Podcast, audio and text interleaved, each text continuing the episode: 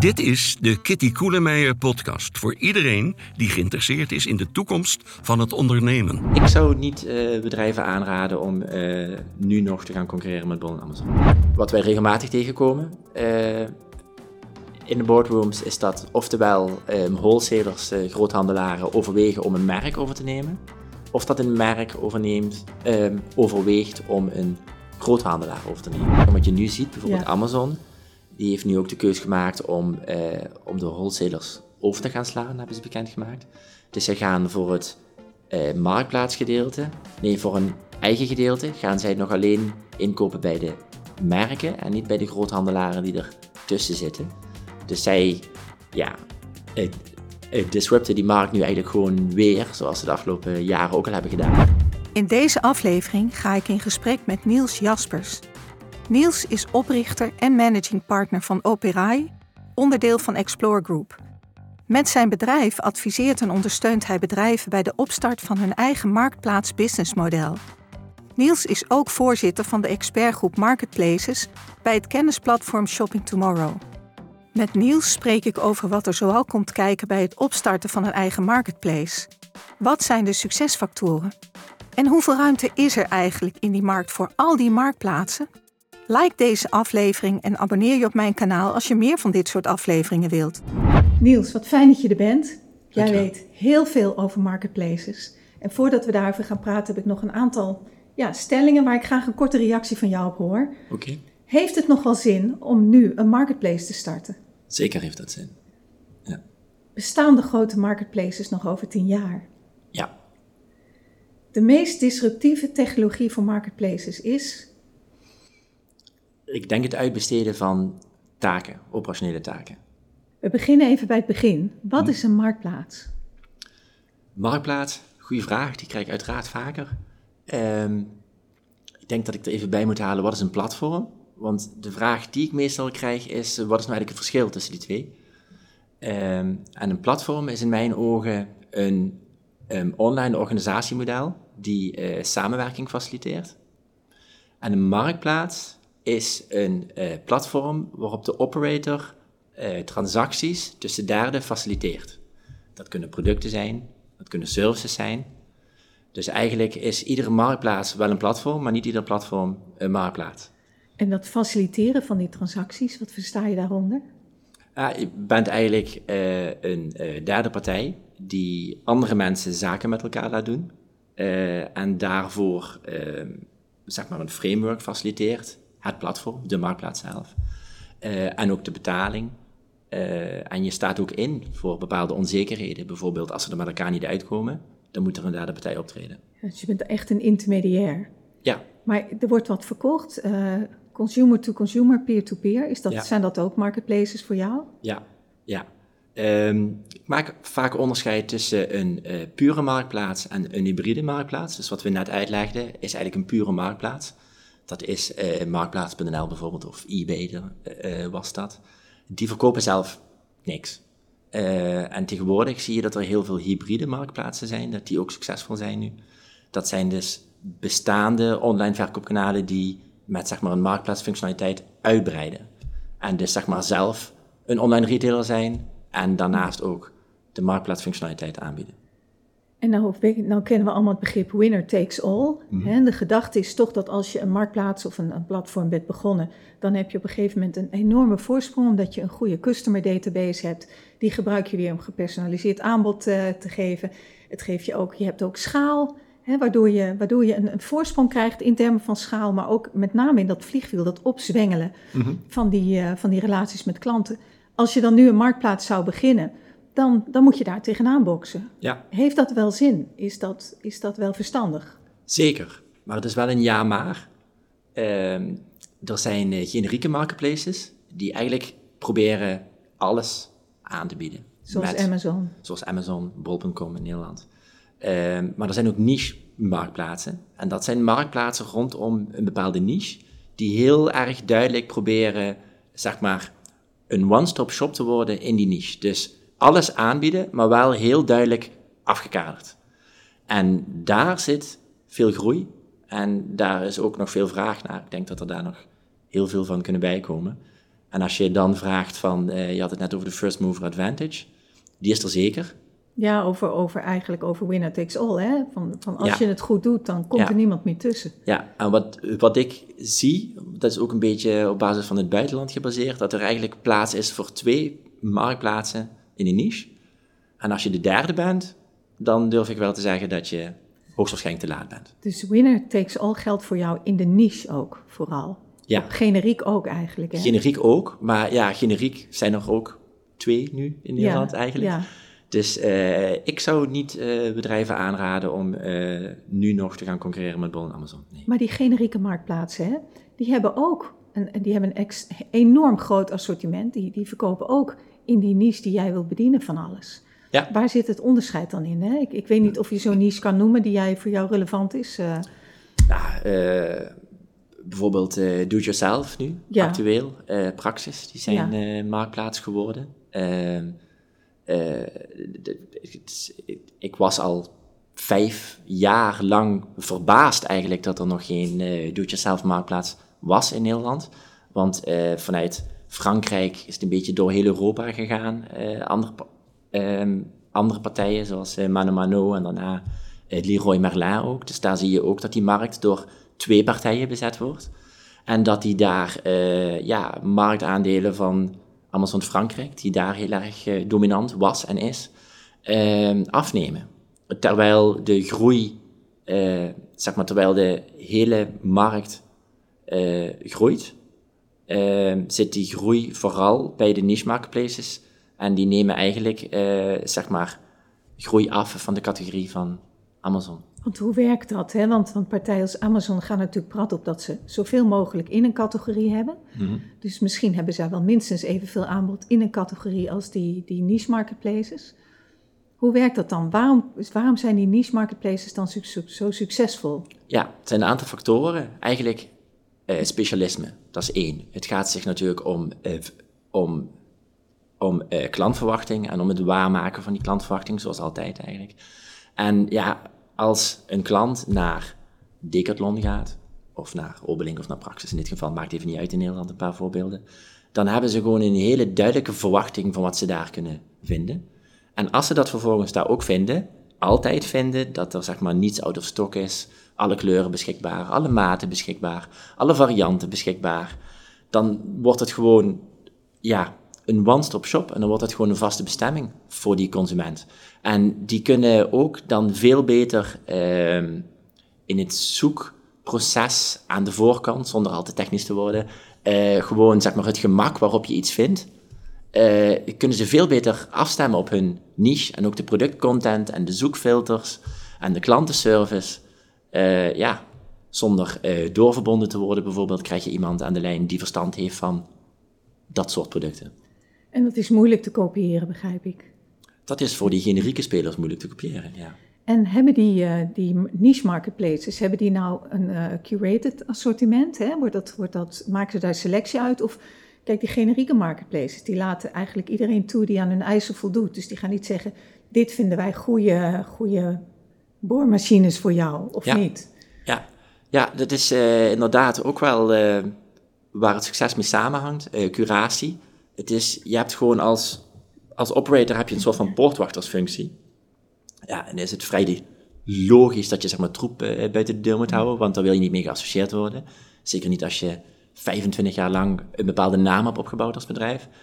Ehm, maar het gaat ook om die herkenbaarheid. Als jij op een gegeven moment zaken gaat aanbieden die wat mensen helemaal niet meer kunnen rijmen, eh, zeg maar bij jouw bedrijf, dan, dan vinden mensen niet prettig, raken ze afgeleid en dan geeft dat ook een, een, een, ja, zeg maar een iets wat goedkope uitstraling.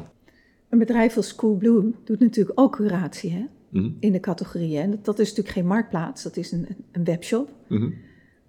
Dus je zou denken dat die ook, dat die ook concurreert met de niche-marktplaatsen in die, eh, in die productcategorieën. Zeker. Ja? Ja. Ja, zij doen ja, bijna alles wat ze doen, zou ik zeggen. Heel erg goed. Ja. Ehm, ja, maar zij hebben, ja, als je, als je kijkt naar schaalbaarheid, ehm, ze zijn natuurlijk heel lang samen met eh, Coolblue, ehm, samen, samen met eh Bol.com natuurlijk een beetje gegroeid. ja. En zag je die groeicijfers ieder jaar een beetje gelijk oplopen. En uh, dan zag je dan, de, uh, dan zie je dan de afgelopen vijf jaar dat, uh, dat bol.com helemaal wegschaalt. Nadat ze hebben gezegd dat ze, dat ze zeg maar, gingen focussen op het zeg maar, third-party assortiment. Op het seller assortiment.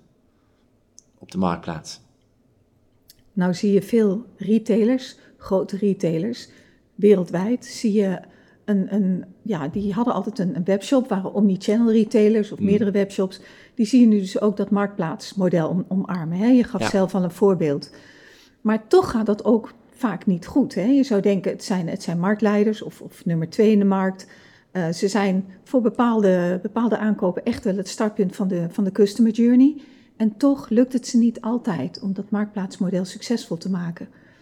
Weet jij hoe dat komt? Uh, ik denk dat de reden waarom het bij sommigen niet lukt per bedrijf anders is. Uh, in Nederland is bijvoorbeeld de VDXL ook gestopt met marktplaats zijn, terwijl ze dat eerst wel waren. Uh, ja, daar denk ik dat zij gewoon heel erg goed zijn in wat zij zelf doen.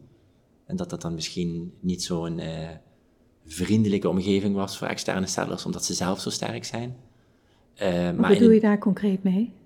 Ja, dat ze zelf gewoon heel erg goed zijn in, in retailer zijn en zeg maar goedkoop inkopen. Ja, dus je eh, concurreert met een onmogelijke, hè, met, met een onmogelijke partij. Ja, dus uh, zeg maar, uh, die zijn ermee gestopt. Maar er zijn ook andere partijen natuurlijk vanwege afwisselende redenen. En ja, een reden die je vaak wel ziet is dat ze denken dat ze het erbij kunnen doen als een soort van extra verkoopkanaal. Maar een marktplaats is geen extra verkoopkanaal. Een marktplaats is een businessmodel. En daarvoor moet je als bedrijf een business transformatie door. En dat raakt alle afdelingen uh, in je bedrijf. Bij ons op het bedrijf wordt wel eens gezegd door mijn uh, um, IT-collega's dat het is als open hart operatie. En dat iedere ader behandeld wordt. En als er één ader niet meewerkt, dan zeg maar, stopt het vliegwiel-effect. En dat uh, heeft dan uh, gevolgen dat zeg maar, de groei waar je op hoopt, dat die er niet komt. En groei is wel een noodzaak voor het marktplaatsmodel. Ja, want dat is natuurlijk het, het hele idee. Je concurreert ja. door middel van die, van die groei. Ja. En je trekt meer merchants aan en daarmee meer klanten. En dat versterkt yes. elkaar, bouw je je database mee op. Ja. Is er nou een grootste gemene deler als je in die uh, analogie van die open hartoperatie blijft? Hè? Mm. Bij welke aders gaat het vaak fout? Op welke welke gebieden uh, wordt het moeilijk? Is daar, is daar iets over te zeggen? Mm, ja, dat verschilt.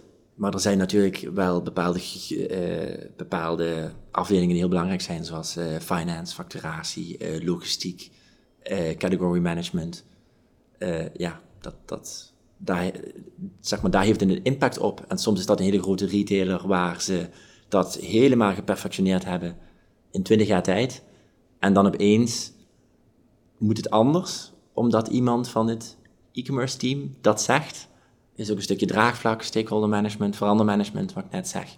Dus het zit er meer intern in het verandermanagement, denk ik, dan dat het niet mogelijk is of dat het niet kan bij zo'n retailer. Want het kan zeker. Jij bent ook betrokken bij dat soort trajecten, denk ik, hè, als consultant. Mm hoe begin je nou zo'n traject? Stel, er komt een vrij grote, relatief grote retailer naar jou toe en die zegt: Nou, we willen een marktplaats gaan, uh, gaan beginnen. Hoe begin je dan? Dan begin ik meestal met inspiratie. Dus dan doen we een soort van uh, boardroom sessie. Meestal is dat twee, tweeënhalf uur. Waarbij we dan uh, een presentatie geven, wat eigenlijk heel snel een dialoog wordt. Over wat marktplaatsen zijn. Een beetje zoals wij het er nu ook over hebben. met gelijkgestemden. En dan gaat het over uh, wat de kansen zijn, wat de gevaren zijn. Uh, voorbeelden van andere mensen in de markt natuurlijk. Uh, hoe het verdienmodel precies werkt, waar de essentie van de groei vandaan komt. En dan van daaruit eh, ja, gaat dat dan lopen. En dan zie je dat er een project wordt opgezet intern. het is altijd wel leuk om te zien hoe snel de directieleden meestal wel enthousiast zijn. Want ja, dan moet je de beslissing nog nemen als jij die Dan moeten ze de beslissing nog nemen, zeker, ja. zeker. Ja. Nu is het bij de hele grote retailers vaak al zo dat die natuurlijk intern daar al heel lang over nadenken voordat ze je benaderen.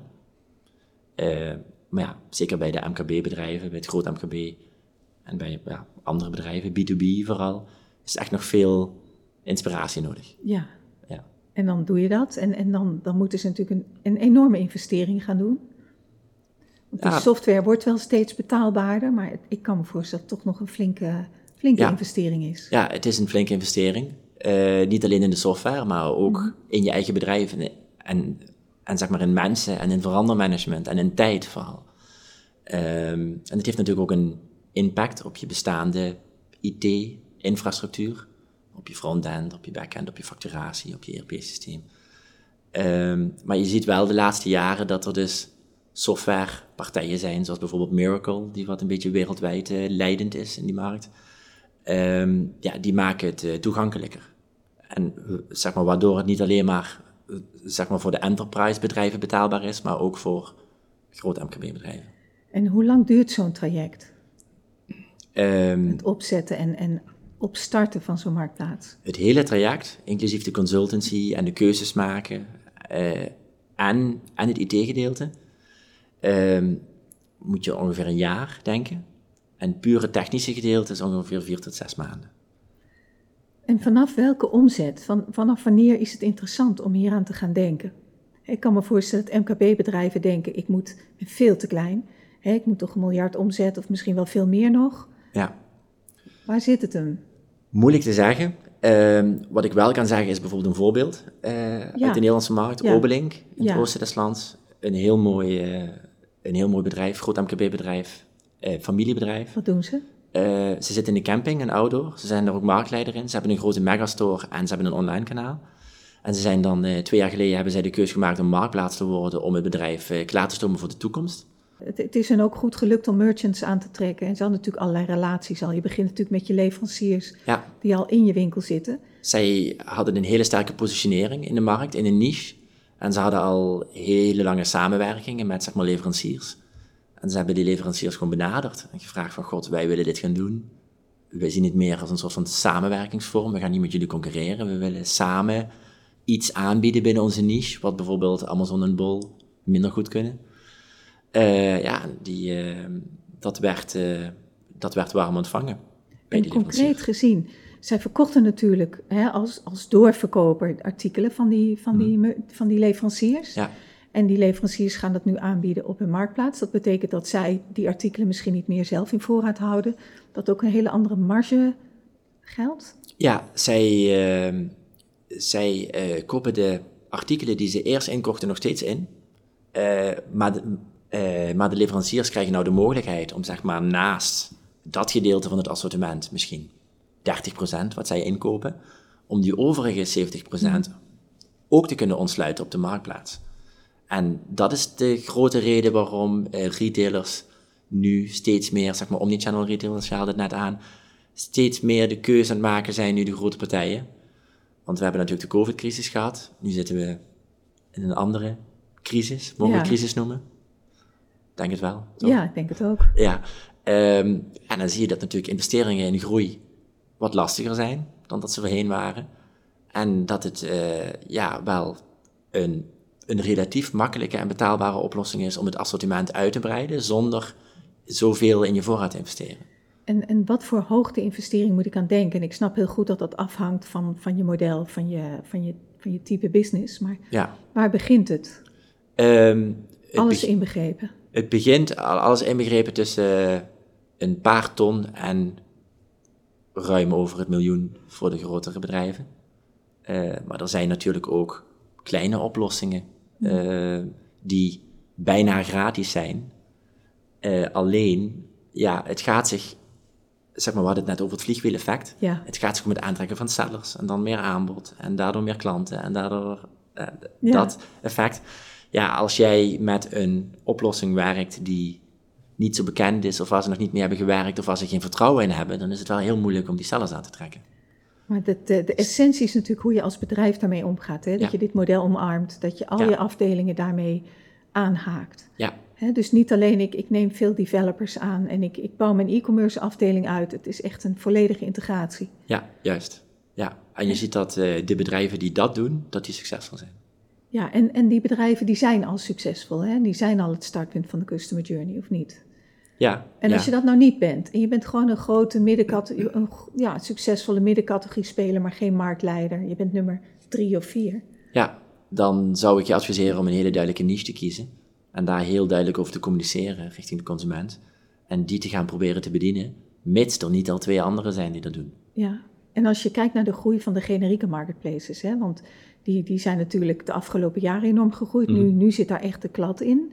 Hè, je zegt ook in Nederland hebben er twee, dus in elke markt is ongeveer ruimte voor twee. En dan heb je dus dat gelaagde winner takes all model.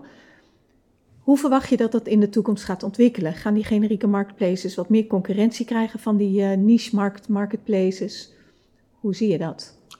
Nou, ik denk, eh, als je naar de voorspellingen eh, ziet die er zijn, als je dan bijvoorbeeld naar de periode tussen 2020 en 2025 kijkt, waar we zeg maar nu Ja, middenin zitten, in. Ja, dan eh, zie je dat eh, in de B2C-markt de, het, het aandeel marketplaces online ongeveer 14% groeit als een, als een eh, samengesteld eh, jaarlijks eh, groeipercentage over die vijf jaar. En eh, dat dat in de B2B-sector zelfs 30 tot 32 procent is op dit moment.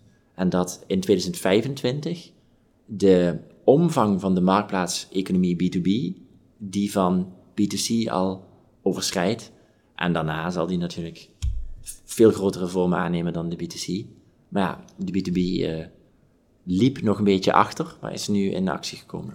ja dus, dus B2C, dat, dat, dat is eigenlijk al wat meer volwassen, een beetje uitgekristalliseerd, zeg Ja. je. Dus je verwacht daar ook niet veel ontwikkelingen eh, van de niche marketplaces die de, de generieke partijen aanvallen. Dat valt dus wel mee, zeg je. Ja, aanvallen, Of ja, of, of aanvallen het goede zeggen. woord is, maar het is meer eh, hun niche eh, claimen. Ja, Eh, tuurlijk is er altijd nog ruimte voor de Ja. generieke marketplace. Want als iemand s'avonds op de bank zit en ze kijken goede tijden, slechte tijden of iets anders. En ze pakken de telefoon erbij, oh, nog even dit bestellen. ja, V- vingerafdruk, intikken, nog een keer vingerafdruk en je hebt het de ochtend daarna in ja, huis. klopt. Ja, dat is natuurlijk een gemak wat heel verleidelijk is. eh, wat men ook zal blijven gebruiken, zeker. Maar als jij bijvoorbeeld, eh, maar gewoon een heel simpel voorbeeld, stel je voor iemand doet hardlopen. Ja, Nou, dan zit je s'avonds op de bank, dan ga je niet denken eh, tijdens het reclameblok, ik ga even de hardloopschoenen in nauwebol.com of Amazon bestellen. nee. Dan wil je toch bij de specialist kijken. Dan ga je naar Nike, naar het platform, Ja, bijvoorbeeld. Ja. Ja. Ja, en, en B2B, dat is natuurlijk veel minder generiek. Dan heb je het al over, over bepaalde categorieën waar, waar een bedrijf in zit. Ja, ja. En je ziet ook dat dat verschilt. Dat het bijvoorbeeld per eh, categorie, eh, dat nu zeg maar echt de, de bedrijven zoals eh, overheden, eh, oliebedrijven, echt, echt zeg maar de traditionele B2B Ja. eh, bedrijven, dat die als laatste nu aan de beurt komen. Maar dat er andere segmenten, zoals bijvoorbeeld aviation, automotive, eh, grote wholesale-bedrijven voor de eh, schoonmaakindustrie, medische industrie, dat die nu al in transitie eh, zijn. Amazon is eigenlijk de disruptor een beetje geweest. Hè? Ze hebben het marktplaatsmodel niet bedacht, maar ze hebben het wel als eerste groot gemaakt. Als we Wie kijken naar het onze... bedacht dan? Eh, eBay is ermee begonnen. In 1995 was de eerste marketplace aankoop. Het was een meneer, eh, dat is wel een leuke anekdote, die heette Mark Fraser. En dat is eigenlijk pas in 2020 pas bekend geworden, omdat rond het, eh, het 25-jarig jubileum van eBay, ehm, zij hadden die data allemaal niet meer, want die hadden ze niet bewaard van het begin. Oh. Dat vonden ze toen blijkbaar niet belangrijk, of ze zagen daar toen nog niet de waarde Of van. heel kort bewaren, hè, Of, je toen of deed. heel kort bewaren. En toen heeft die man zich gemeld. Van ja, ik was dat die die eerste aankoop heeft gedaan. Ja. En dat was een laserpen. En die was nog kapot ook nog, maar hij was een verzamelaar van, Kapotte laserpe- laserpennen. van laserpennen. En eh, ja, wel een leuke anekdote. Maar dat was dus 1995. En eh, kort daarna kwam eh, Amazon.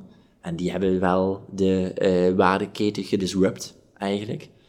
En ja, dat is, eh, er is gewoon, eh, er, ja, er is gewoon een veel grotere druk op de waardeketen gekomen. Je ziet ook nu dat er langzamerhand schakels uit de waardeketen gehaald worden om nog mee te kunnen. Om zeg maar een beetje druk te verlichten. Nou, wat ik nu, eh, wat wij regelmatig tegenkomen in de boardrooms, is dat oftewel eh, wholesalers, groothandelaren, overwegen om een merk over te nemen of dat een merk overneemt, ehm, overweegt om een groothandelaar over te nemen. En dat, eh, en dat eh, doen ze met als doel om zeg maar één schakel uit de keten te halen, om zo de prijsdruk een beetje te verlichten. Ja, ze doen het door overname, dus ze gaan niet zelf ontwikkelen, die functies. Kijk, als een, een, een, een, eh, een producent een groothandelaar overneemt, dat is natuurlijk een ander verhaal dan andersom. Hmm. Maar ze, je kunt ook beslissen dat je dat zelf ontwikkelt. Maar dan is een overname, Ja. hè, het is eigenlijk make-or-buy beslissing, hè? Eh, ja, ja, ook. Ja, ja, ja het gaat eh, sneller, denk ik. Ja. En eh, die hebben natuurlijk al een klantenbestand. Ja, je hebt ook al een samenwerkings, eh, een partnership als het goed is, hè? Ook, ja. Maar hoe- zie je dat vaak? Valt je dat op, dat dat vooral nu al aan het gebeuren is? Ja. Of is dat al heel lang aan de gang? ja, wij doen dit nu vier jaar. Dus ik kan alleen over de laatste vier jaar spreken natuurlijk. Ehm, ja, we zien dit vooral de laatste twee jaar. Dat het besef echt er is en dat er ook actie op ondernomen wordt. En sommige bedrijven doen dat met een rap tempo, die overnames.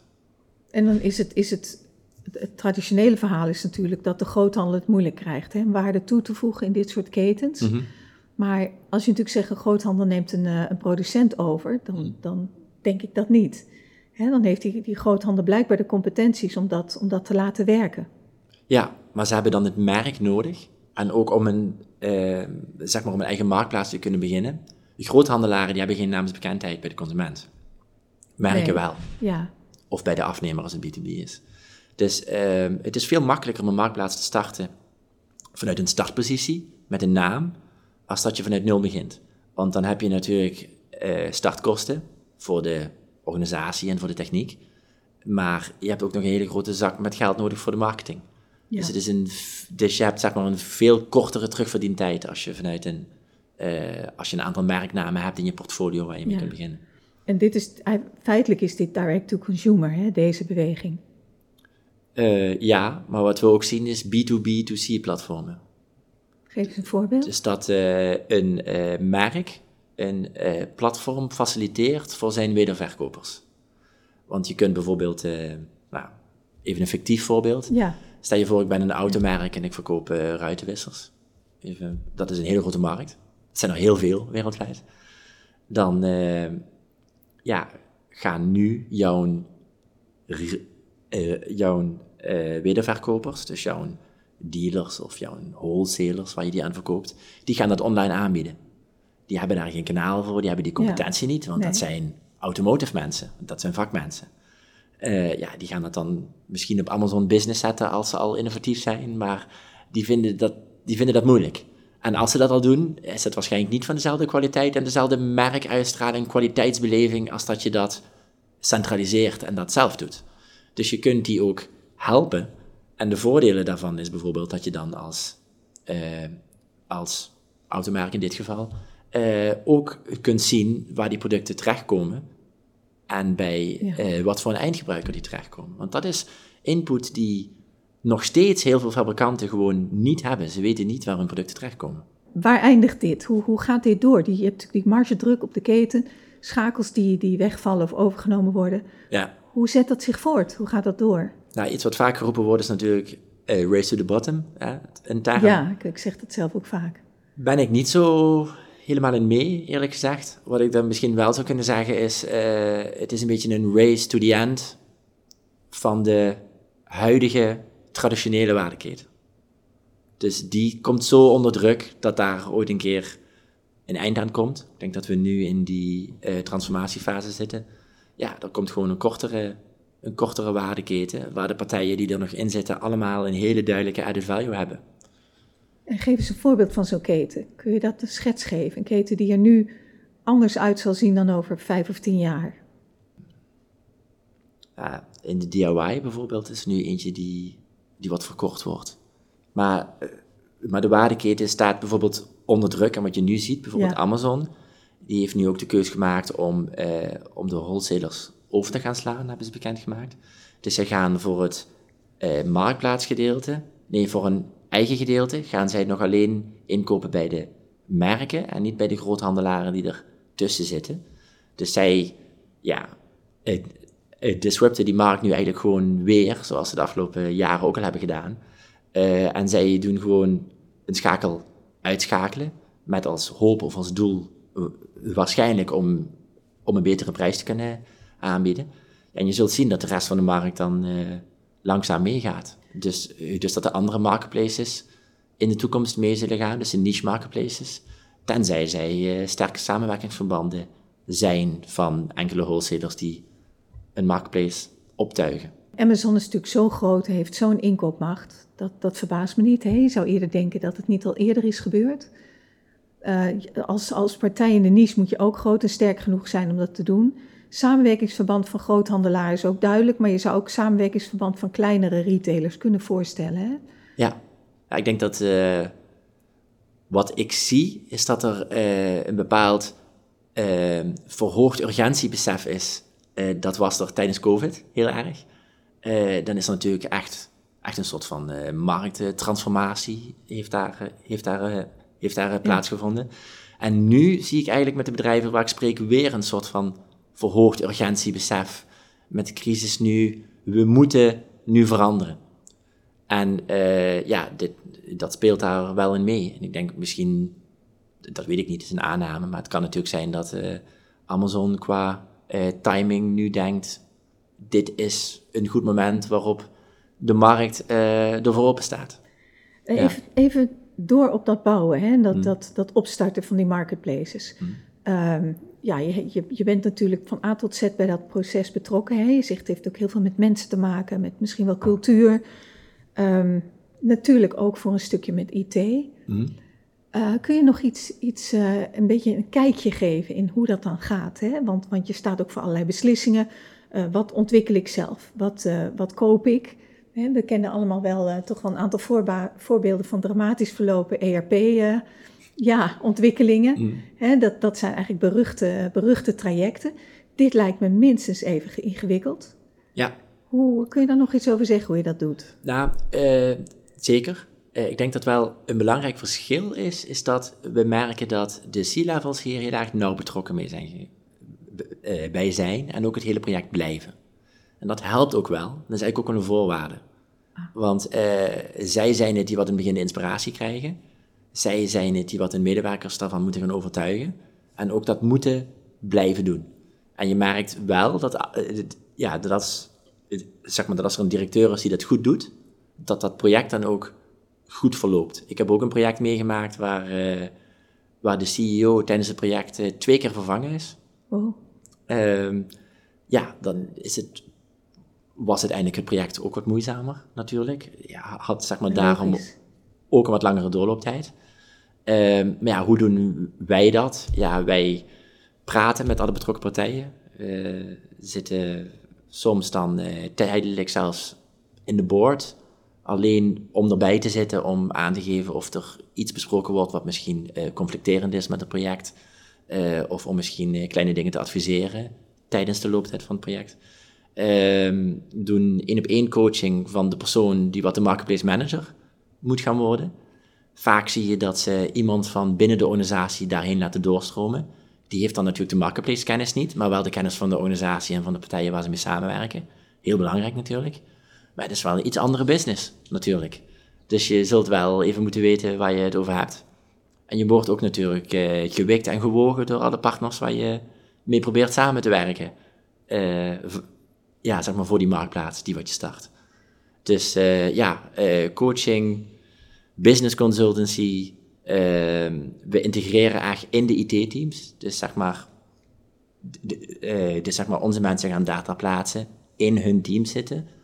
Dat we denken dat dat vaak beter werkt dan dat je het vanuit afstand zo'n project leidt, omdat het dan minder leeft in de organisatie.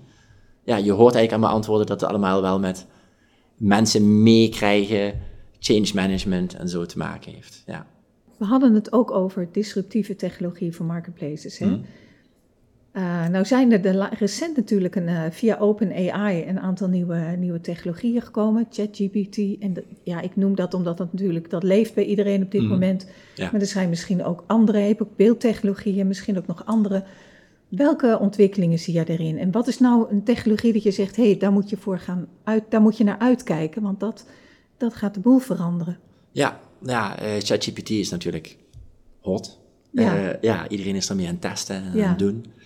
Ik sprak gisteren, ik, ik sprak gisteren een bevriende uh, seller agency, zeg maar marketplace agency, die, uh, die mij aangaven dat ze, uh, dat ze dat recent getest hebben voor het, voor het schrijven van productteksten. De content. Ja. ja.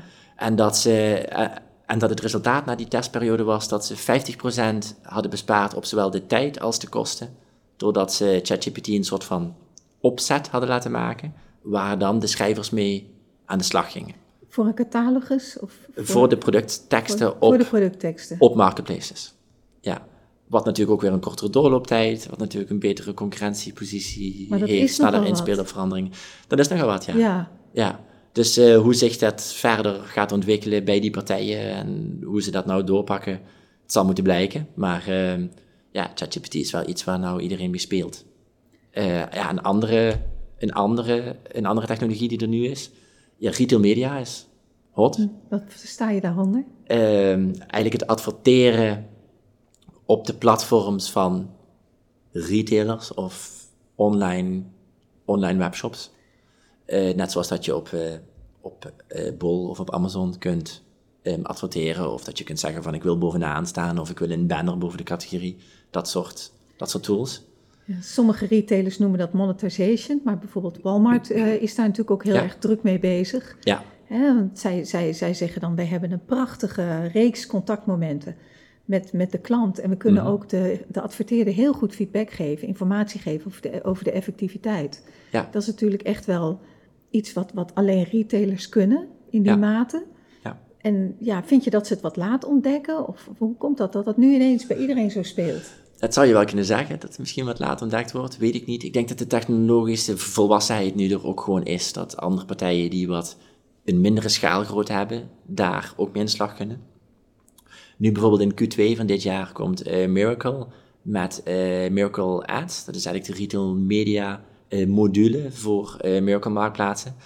En dan zul je zien dat in 300-tal Europese marketplaces die wat daarop draaien, dat die de mogelijkheid krijgen om die diensten te gaan aanbieden. En daarmee gaan concurreren met een belangrijk deel van het verdienmodel van, van de generieke marketplaces zoals Amazon en Bol.com. Maar ook met, maar ook met bijvoorbeeld zeg maar, de advertising op uh, Google zelf ja. of op social media. Want ja, waar start de zoektocht van een consument, eh, waar start de zoektocht van een consument naar een product momenteel? Meestal op de marketplace. Ja. Niet ja. meer enkel in de zoekmachine. En uh, ja, dat is een hele grote markt. En dat geeft ook een extra verdienmodel aan die bedrijven. En ook een extra uh, concurrentiekracht natuurlijk. En heeft het er ook een beetje mee te maken dat retailers toch vaak zichzelf zien als, ja, als retailers, doorverkoper van goederen, diensten. Hmm. En, en dat, het, dat het wat tijd kost om uh, te beseffen van hé, hey, ik kan ook hele andere dingen gaan doen. Ja, de grote retailers die dachten daar natuurlijk langer over na.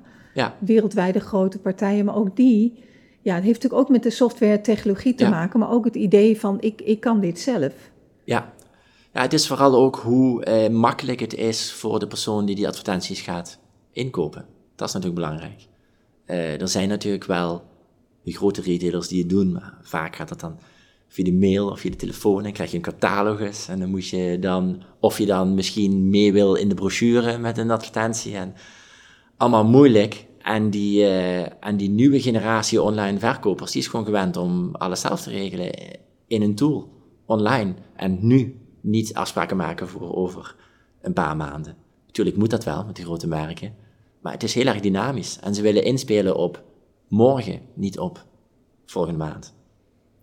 Hoe dus groot gaat dit worden, denk je? Ik denk dat dit heel groot gaat worden. Ik zou er geen uh, cijfer op durven te plakken nog. Een percentage van de online advertentiemarkt? de inschattingen zijn bijvoorbeeld, als je naar Amazon kijkt, dat ze ongeveer 15% commissie uh, verdienen over een, over een marktplaatsmodel. En dan ongeveer 5% aan advertising. En dan tot ongeveer 12% aan uh, logistieke omzet. Dus dan kom je in totaal ongeveer op 32%. Dat is natuurlijk een fors deel. Ja. Maar zij leveren er ook gewoon een machine voor terug natuurlijk aan die verkoper. Um, dus ja, als ik daar iets uit zou kunnen afleiden, dan zou ik zeggen 5%. Maar we zullen het, ja, we, zullen het zien. zien. Maar het gaat ineens heel snel, hè? Ja, het gaat heel snel. En, en als je nou een uitspraak zou moeten doen over, uh, over de winnaars, welke, welke marketplaces die er nu zijn of die er gaan komen, waar, waar zie je nog echt, echt uh, grote kansen? Ja, ik zei het vijf jaar geleden natuurlijk over de DIY in Nederland. Ja. Nou, die is nu ingevuld. Uh, maar daar zal ook ongetwijfeld een tweede speler snel op reageren, denk ik. Ehm, maar ja, je ziet gewoon, er liggen veel kansen in uh, niches. En dat kan van alles zijn. Van, van bedrijfskleding tot uh, hardlopen, zoals ik net aangaf, tot grotere, bredere niches. Maar je ziet gewoon dat nu partijen zoals bijvoorbeeld Decathlon, ja, die, die doen het gewoon goed. En die rollen dat internationaal uit op een rap tempo. En die zijn al met allerlei verder gevorderde schillen of zeg maar fases bezig. Eh, zoals bijvoorbeeld services of, uh, of andere diensten. Daar wordt over nagedacht. En dat kun je alleen als die kern van die marketplace goed staat. En zij hadden natuurlijk, ja, zij waren een van die eerste twee.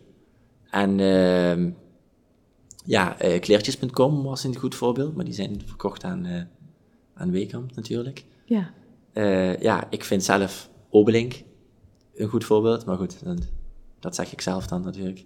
Uh, niet alleen omdat wij daaraan meegewerkt hebben, maar omdat ik dat echt een goed voorbeeld vind. Dus ik denk dat er voor uh, het groot MKB en zeker voor de B2B-bedrijven nog zat kansen liggen in allerlei niches in Nederland.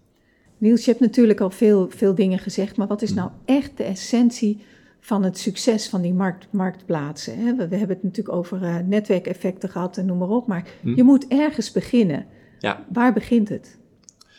Het begint bij het maken van een businessplan of een businessidee. En daarbij zijn twee factoren essentieel. Dat is schaalbaarheid en gemak. En met schaalbaarheid eh, heb ik het dan over dat je het zo opzet dat zeg maar exponentiële groei mogelijk is. En met gemak heb ik het eigenlijk over added value. Je moet added value hebben voor die gebruiker. Het moet gewoon makkelijker zijn, want het consumentengedrag is veranderd. Mensen zijn, hè, ik had het net over GTST kijken en wat bestellen. Mensen zijn gewoon gewend aan alles nu. Uh, je moet gewoon mee in het gemak. En uh, ja, dat zijn de twee hoofdpijlers, zou ik zeggen. En die schaalbaarheid, hoe krijg je dat voor elkaar? Um, wat marktplaatsen eigenlijk doen, is uh, werk verdampen. En werk verdampen? Werk verdampen, ja. En daarmee bedoelen we eigenlijk dat als je zeg maar kijkt naar alle taken die een, een webwinkel heeft, zullen we bijvoorbeeld uh, Coolblue als voorbeeld nemen, die bepalen een eigen assortiment, die managen de categorieën, die maken zelf de content, die doen de klantenservice zelf, die doen de logistiek zelf, die doen de invoicing zelf, die doen de klachtenafhandeling zelf. Allemaal zelf, dus, zeg maar, dat is allemaal operationeel werk. Ja. Als je dat dan vergelijkt met nu het sneller schaalbare bol.com bijvoorbeeld, bijvoorbeeld iedereen kent, die doen dus uh, ongeveer 70% van die operationele taken uitbesteden aan sellers. Dus ze verdampen dat werk eigenlijk buiten de eigen organisatie. Ze duwen dat terug naar die sellers. Ze duwen het naar de sellers, ja. ja. en um, dat klinkt misschien een beetje uh, lui of zo, maar dat is het niet, want ze kunnen zich veel beter focussen, vooral bij de niche marketplaces, kunnen zich veel beter focussen op die taken die over blijven. Namelijk de marketing. Ze moeten zoeken. Uh, zij moeten ervoor zorgen dat de klant weet wat hij kan verwachten. Dat die verwachting waargemaakt wordt. En dat er verkeer is, zodat de sellers uh, een goed aanbod kunnen aanbieden en kunnen verkopen. En als er dan een keer een incident is, moeten zij dat netjes oplossen voor een klant. In het geval dat dat gebeurt. Je hebt daar een, een slide van, hè? een plaatje. En die, die gaan we even laten zien. Ja, kun je even laten zien. En dan zie je inderdaad dat... Wat zien we dan? dan zie je dat dus aan de rechterzijde, dat dus de taken uitbesteed worden. En dan zie je onder andere dat daar uh, invoicing staat, dat daar het um, eerste lijns uh, klantcontact, dus de eerste vragen die wat binnenkomen over een product of over een levering, dat dat uitbesteed wordt aan de seller. Maar ook het, uh, maar ook het maken van de productcontent bijvoorbeeld, die als jij zelf een merk bent, jij, jij kunt veel beter uitleggen wat de essentie van een product is. En wat, wat, wat nu doet bijvoorbeeld uh, uh, Coolblue dat natuurlijk juist heel erg goed. Dus dat klinkt nou misschien een beetje, dat, eh, dat klinkt nu misschien een beetje conflicterend in dit voorbeeld. Maar um, ja, het is gewoon, er wordt heel veel werk uitbesteed en daardoor kunnen ze heel snel groeien. Ja, dat is vooral voor die, voor die retailers of die omnichannel partijen die met Marktplaats gaan beginnen, is dat misschien een, een, een eye-opener. Ik hoef niet alles zelf te doen. Ik besteed het, uh, ja, ik laat mijn seller dat doen. Ja, bijvoorbeeld uh, een voorbeeld dat iedereen kent, um, Airbnb. Mm -hmm. Dat is een marktplaats dat natuurlijk iedereen kent.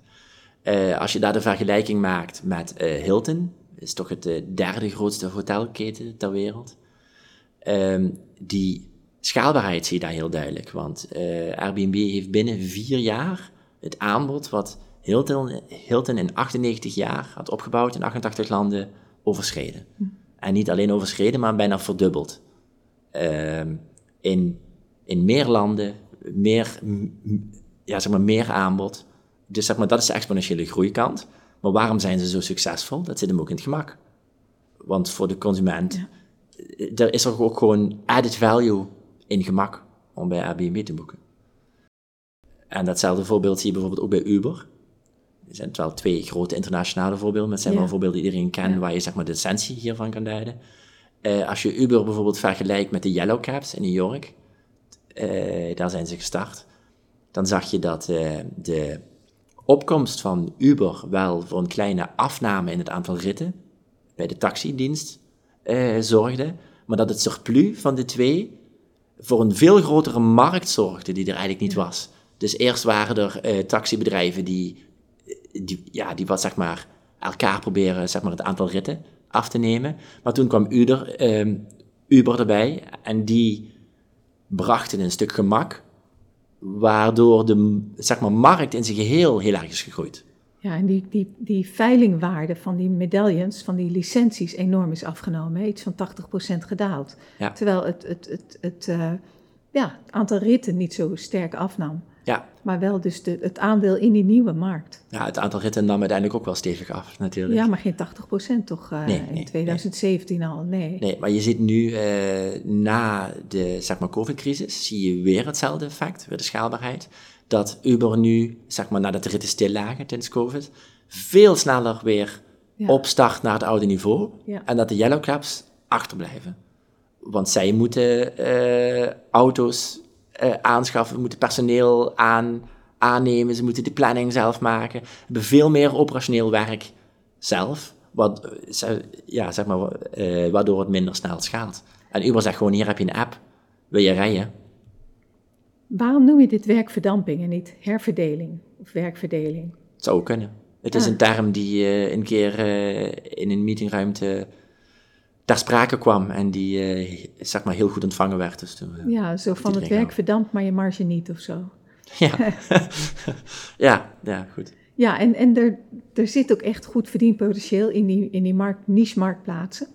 Of is het vooral het effect dat het je, je, je online en je fysieke winkel stimuleert. Hè? Ik bedoel, wat, wat, wat is het effect? Hoe, hoe, het is een stimuleringsmechanisme. Wat is het ja. Maar het, het is ook natuurlijk een verdedigingsmechanisme nu in de huidige markt en in de huidige waardeketen waar zeg maar, druk op staat en waar partijen allemaal concurreren om dezelfde klant en misschien niet alle partijen er nog zijn over een paar jaar, uh, is het uh, ja, ook een verdedigingsmechanisme. Om de klant te kunnen houden die nu veel hogere eisen heeft dan wat hij een paar jaar geleden had. Ja, en van daaruit weer verder groeien. Ja, en, en van daaruit verder groeien zonder dat je zeg maar recht evenredig mee investeert in je voorraad, in je panden, in je warehouses, in je logistieke apparaat. Uh, ja, en zie je daar ook nog samenwerkingsverbanden op horizontaal niveau staan? Want dit zijn natuurlijk retailer-supplier. Hmm. Samenwerkingsverbanden zie je ook winkel, winkeliers dit met elkaar doen. Um, die initiatieven zijn er wel, ook in Nederland natuurlijk. Er zijn veel van die uh, winkelcentrum, platforms, marketplaces, ah, zeg maar, in, in uh, binnensteden. Ik moet eerlijk zeggen dat ik daar wat minder in thuis ben. Wij doen meer de retail, zeg maar de retailers en de B2B-klanten. Ja. Um, dus ja, daar zie je wel initiatieven dat ze proberen samen te werken. Maar ja, daar zie je ook wel de beperking van dat als de schaalbaarheid er niet is, dat de win-win-win situatie van het model ook minder goed werkt. Ja. Uh, je moet gewoon doorschalen om iedereen te kunnen laten meeprofiteren van dat opschalen. Dus uh, ik weet niet of uh, een platform op een binnenstad daar uiteindelijk de beste misschien wel als decentrale. Ja, het is ook een heel ander model. Hè? Je, hebt, je Ja. bent natuurlijk niet, het is, je zit niet in een niche. Ja, als je je locatie de niche noemt, dan kun je dat nog zeggen. Ja, dat klopt. Maar is ja. er nog iets waar jij voor wakker ligt als het ook over de sector gaat waarmee je bezig bent? Iets wat je denkt dat moet, hè, iets waar een sense of urgency zou passen? Nou, ik denk dat de sense of urgency in de B2B er op dit moment echt wel is. Ik lig er niet wakker van. Ik moet zeggen, ik slaap erg goed gelukkig. Dus eh, daar heb ik geen last van. Ehm, maar ja, de B2B ja, is nu in transitie. En ja, er zijn prachtige bedrijven in Nederland die al jarenlang goed werk leveren, die toch, als ik ze kort spreek of als ik ze niet spreek, dat ik dan toch denk van, ja jongens, zijn jullie wel met de goede dingen bezig op dit moment? Niels, je bent zelf ondernemer. Heb jij nou nog een tip voor jonge ondernemers? Ehm, ja, ik had de vraag natuurlijk zien aankomen en ik hoor hem altijd in de show, dus ik had er al over nagedacht. Ehm, de tip die ik zou geven is, leer eh, keuzemomenten herkennen en leer ook keuzes maken. Ik, ik, heb, eh, ik heb zelf, als ik bijvoorbeeld eh, terugkijk op de afgelopen jaren in mijn carrière, iedere keer als ik een stapje maakte, was dat eigenlijk een keuzemoment, waarna ik daarna opeens ja, zeg maar vooruit ging. En ik zie bij anderen soms dat ze geen keuzes kunnen maken of dat ze die momenten niet herkennen. Dus eh, je kunt, als je een keuze moet maken, zou ik je adviseren om daar zeg maar prima eh, hulp, eh, hulp bij te vragen. Maar het herkennen van de momenten waarop je een keuze moet maken, zul je toch echt zelf moeten doen. Het is belangrijker dat je een keuze maakt dan dat het de juiste is, hè? als je maar een keuze maakt. Ehm, ja, in mijn geval is het denk ik achteraf altijd de juiste, is het achteraf altijd de juiste keuze geweest. Maar ja, goed, je weet natuurlijk niet wat er was gebeurd als je de andere keuze had gemaakt. Maar ehm, ja, ik denk wel dat dat eh essentie is van succes. Nou, heel waardevol. Dankjewel Niels, fijn dat je er was. Dankjewel. Dit was de Kitty Koelemeijer podcast. Als je dit gesprek interessant vindt en vaker dit soort gesprekken wilt zien of horen, druk dan op die bekende knop. Want dan weet je één ding zeker: de podcast van Kitty wordt vervolgd.